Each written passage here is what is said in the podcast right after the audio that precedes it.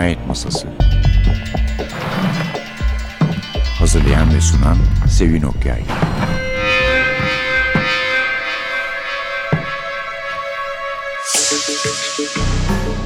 Merhaba, NTV Radyo'nun Cinayet Masası programına hoş geldiniz. Bugün size epeyce zamandır hiçbir kitabını sunmadığımı düşündüğüm Amerikalı bir yazarın eski denebilecek bir kitabını takdim ediyorum. Harlan Coben yazar. Kitabın kapağında New York Times bestseller yazan yazarlardan. Bunu küçültmek için söylemiyorum çünkü iyi bir gerilim yazarı. Tek bir bakış kitap. Yani kitap eski derken 2004'te basılmış onu kastediyorum ama burada yeni basıldı. Temmuz 2017 dolayısıyla bizim için yeni bir kitap demektir. Martı'dan çıktı. Just One Look özgün adı. Çeviren de Derya Engin. Harlan Coben yani bizim için en azından şöyle bir değişiklik olur diye düşündüm. Group lit dediğimiz artık birbirine hepsi benzemeye başlayan böyle daha ziyade kadınlar tarafından yazılmış ve belli konular, belli temalar üzerinde gelişen kitaplardan da bu haftalık kurtulmuş oluruz diye düşündüm.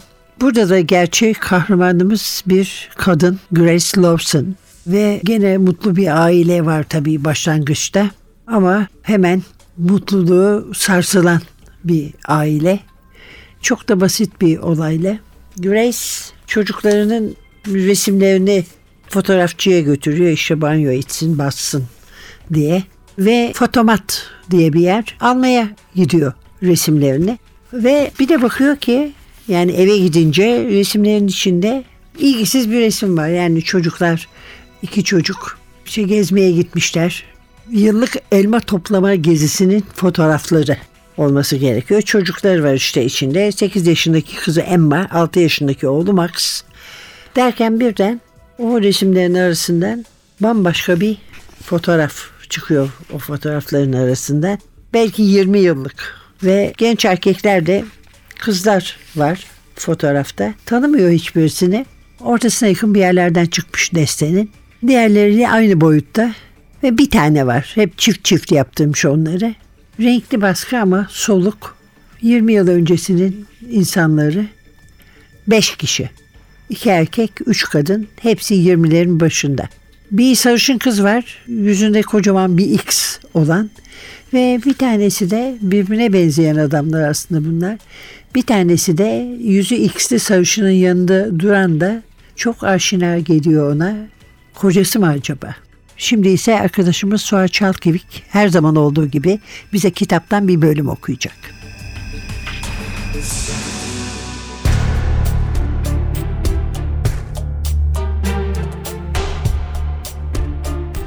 O fotoğraf eski görünüyordu. Siyah beyaz ya da sepya filan değildi. Öyle bir şey değil. Renkli baskıydı.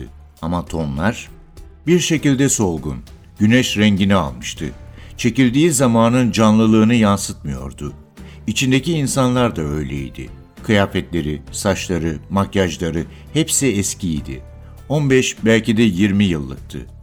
Grace fotoğrafı masaya koyup biraz daha yakından baktı. Fotoğraftaki tüm figürler biraz bulanıktı.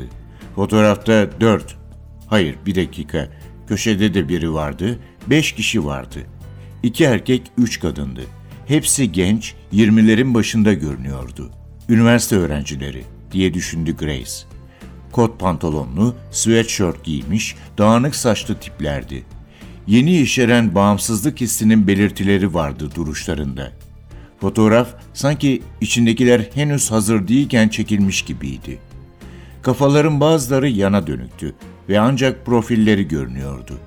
Fotoğrafın en kenar kısmındaki siyah saçlı kızın sadece kafasının arkası ve kot ceketi görünüyordu. Onun hemen yanında bir kız duruyordu. Gözleri ayrıktı ve ateş kızılı saçları vardı.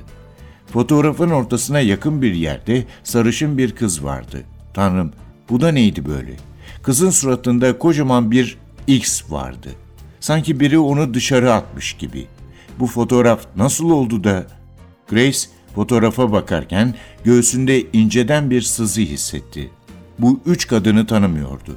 İki adamsa birbirlerine benziyordu.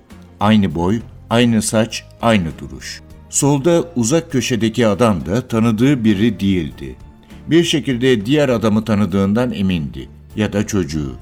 Adam denecek kadar yaşı yoktu. Askere gidecek yaşa gelmiş miydi? Kesinlikle. Adam denecek yaşa mı gelmemişti? Ortada duruyordu. Yüzünde X olan sarışının yanında. Ama bu olamazdı. Yüzü tam bir şeye doğru döner gibiydi. Yüzünün çoğunu yeni yetme sakalları kaplamıştı. Bu kocası mıydı? Grace biraz daha eğilip fotoğrafa yaklaştı. Yandan çekilmiş bir fotoğraftı bu. Jack'in bu kadar gençken nasıl göründüğünü bilmiyordu.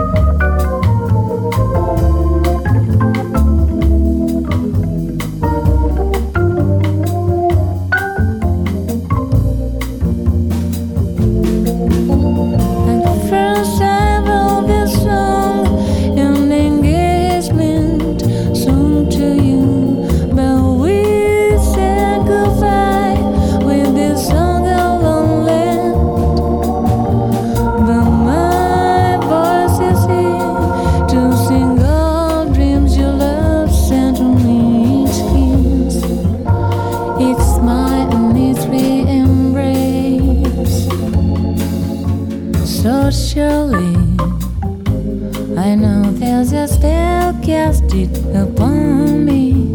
I gladly surrender myself to you with my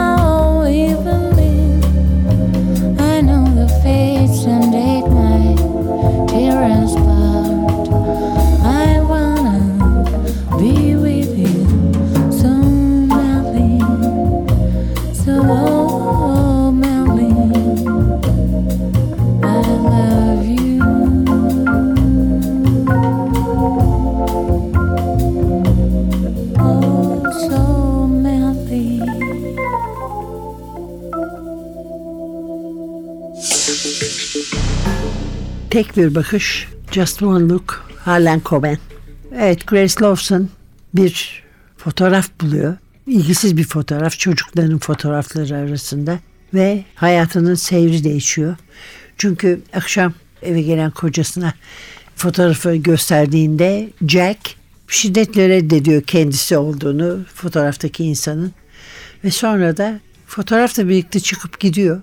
Bir daha geri gelmiyor. Ama bu arada gelişen başka olaylar da var. Her şeyden önce kitabın başında Scott Duncan savcılıktaki işinden izinli. Bu izni kendi almış çünkü burada hemen başladığında kitap bir mahkum ona Birleşik Devletler Savcı Yardımcısı Duncan'a özel bir görüşmede bir şeyler anlatıyor. Bir katliam nedeniyle içeride birden fazla insan öldürülmüş.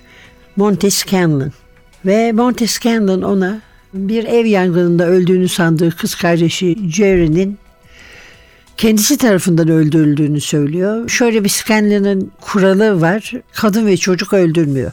Fakat bazı isimler farklı şekillerde yazılınca kadın ya da erkek algısı değiştiği için Jerry'i, Gary'i yani Jerry sanmış J-E-R-R-Y olan ve erkek diye kabul etmiş. Sonunda e, kadın olduğunu anlamış ve vicdanını rahatlatmak için abisini çağırmış. Ona itirafta bulunuyor ama tabii ki kendine bu işi veren kişiyi bilmiyor. Zaten sözlü olarak verilmiş iş onun için isimleri karıştırmış. Bununla başlıyoruz ve sonra da esrarengiz fotoğraf olayı çıkıyor. Yalnız Grace Lawson'ın da geçmişinde bir katliam var. Çok gençken neredeyse fotoğraftakilerin yaşındayken bir konsere gitmişler. Çok popüler bir grubun konseri. Çok kalabalık ve orada birisi havaya ateş açınca 18 kişi ölmüş.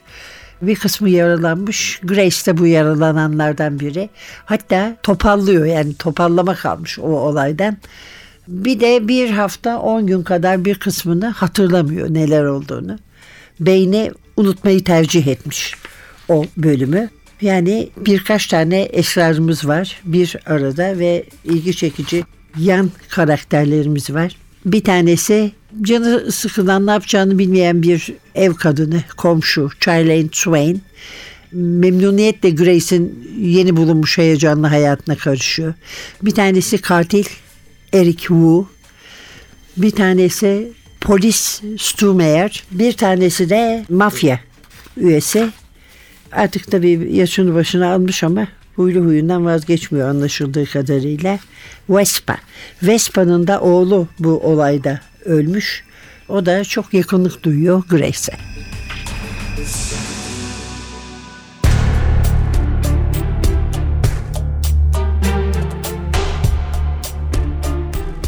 Eric Wu penceredeki iç çamaşırlı kadını görmüştü. Dün gece Wu için çok uzun olmuştu. Kimsenin olaya dahil olmasını beklemiyordu ve o iri yarı adam hiçbir tehdit oluşturmasa da cüzdanında gördüğüne göre adı Rocky Conwell'di. Wu'nun artık cesetten kurtulup başka bir araba bulması gerekiyordu. Bunun için de tekrar Central Valley, New York'a dönmeliydi. Her şey sırayla. Rocky Conwell'i arabasının bagajına koydu. Diğer arabanın bagajına tıktığı Jack Lawson'ı üçüncü arabanın arkasına yerleştirdi.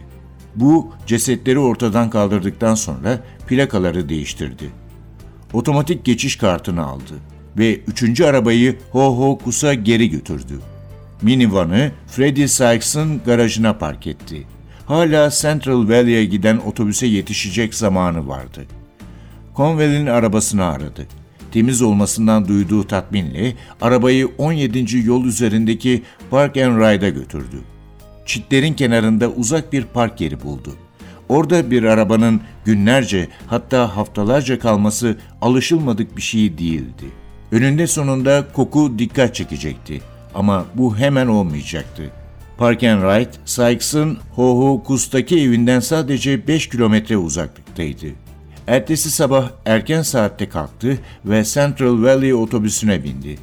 Sykes'ın arabasını aldı. Geri dönerken kendine Lawson'ların evinden geçecek bir rota seçti. Evin önünde bir devriye arabası vardı. Wu düşünüp taşındı.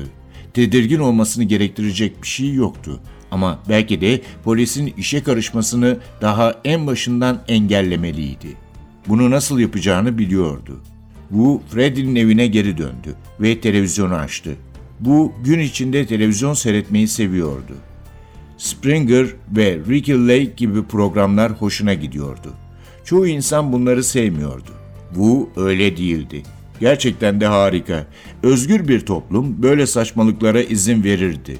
Ama dahası aptallık Wu'yu mutlu ediyordu. İnsanlar koyun gibiydi. Onlar ne kadar güçsüzse sen de o kadar güçlüydün. Bundan daha rahatlatıcı ve keyif verici bir şey var mıydı?''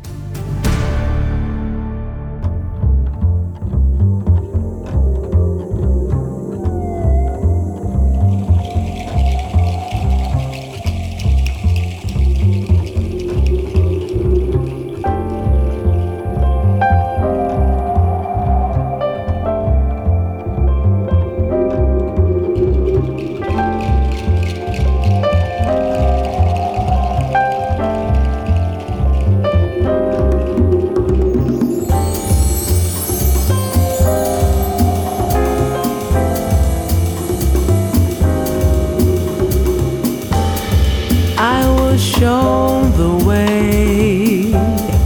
My intuition was not the light, but now it's up to me. Obstinacy to follow personal inclinations. It's not the right path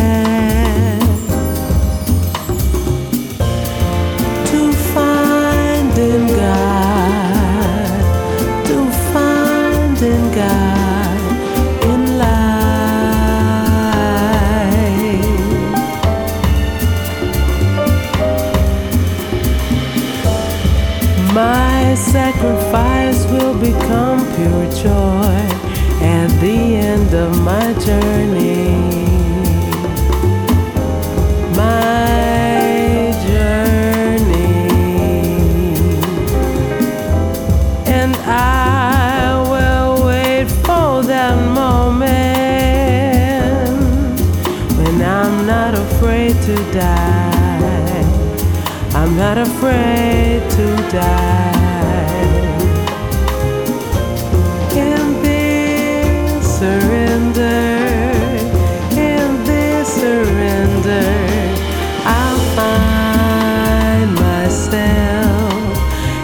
sky.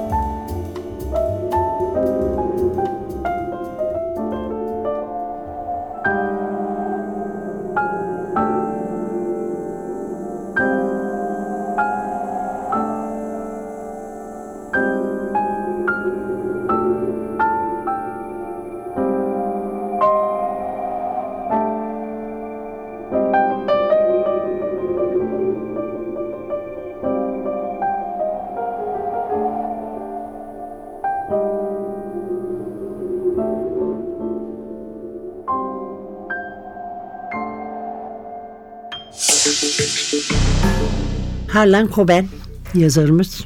Harlan Coben'i böyle tek tek kitaplarından değil de iki tane serisi var. Bir tanesi Mickey Bolitar serisi o genç okurlar için. Bir de esas olarak onu meşhur eden Myron Bolitar dizisi var. Spor ajanı ya da spor menajeri Myron Bolitar ama hemen gözünüzün önüne Jerry Maguire'daki karakter ve Tom Cruise gelmesin. Çünkü onlarla hiç ilgisi yok.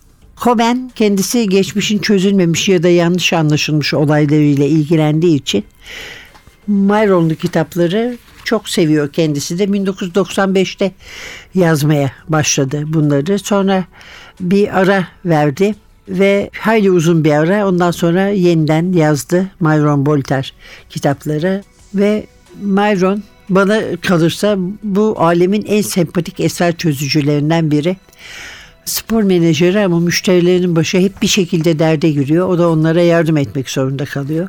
Win diye bir arkadaşı var. Ruhunun kötü yansıması gibi. Duygusuz bir arkadaş. Eski arkadaşı. Onu yanında dolaştırınca şiddete başvurması da gerekmiyor. Annesiyle babasının yanında hatta onların evlerinin bodrumunda oturuyor ki Harlan Coben de uzun bir süre ailesinin evinin bodrumunda oturmuş. Aslında Harlan Coben'in kahramanı bu Bolter serisinin ilk kitabı ile karşımıza gelmeden önce de başka kitaplarıyla gelmişti. Ama herhalde en iyisi onu tanımak için belki de seriyle başlamak. Gerçekten çok başarılı bir polisiye gerilim yazarı. Edgar, Shamus ve Anthony ödülleri var. Bunların üçünü birden sahip olmuş tek polisiye yazar. Bazı eleştirmenlerin çok sevdiği bir polisiyeci. Mesela New York Times'ın yazarlarından, edebiyat eleştirmenlerinden Janet Maslin çok sever onu. Birkaç kitabını tanıtmış hatta iki tanesini çok beğenmişti. Janet Maslin'i sinema sevenler de daha önceki yıllarından hatırlayabilir. New York Times'da o zaman sinema eleştirmenliği, film eleştirmenliği yapıyordu. Yani Harlan Coben'in bir üzüntüsü var. Ciddiye alınmadığını düşünüyor eleştirmenler tarafından. Ki bu çok daha psikolojik polisiyeler yazan yazarların başına da gelmiştir. Böyle anekdotlar var bu konularda duyduğumuz ve naklettiğimiz fırsat düştükçe. Ama sevildiğinin farkında yani önünde kuyruklar oluşuyor imza günlerinde. Gene de ciddi yazarlara bakıyor. Önlerinde daha az insan olan ve onları kıskanıyor. Böyle bir durumu var. Ama emin olun bu durum onun gerçekten çok iyi bir polisiye yazarı, bir gerilim yazarı olmasını, olay örgülerinin sağlamlığını ve diyaloglarının kalitesini hiç e, etkilemiyor. Dolayısıyla bu Griplit döneminde size tek bir bakışı tavsiye ederim. Martı yayınları, çeviren Derya Engin, özgün adı Just One Look. Harlan Coben. Önümüzdeki hafta yeniden birlikte olana kadar mikrofonda Sevin, masada Atilla. Size ne bileyim postadan böyle fotoğraflar çıkmayacak haftalar ve aylar temenni ederiz. Hoşçakalın.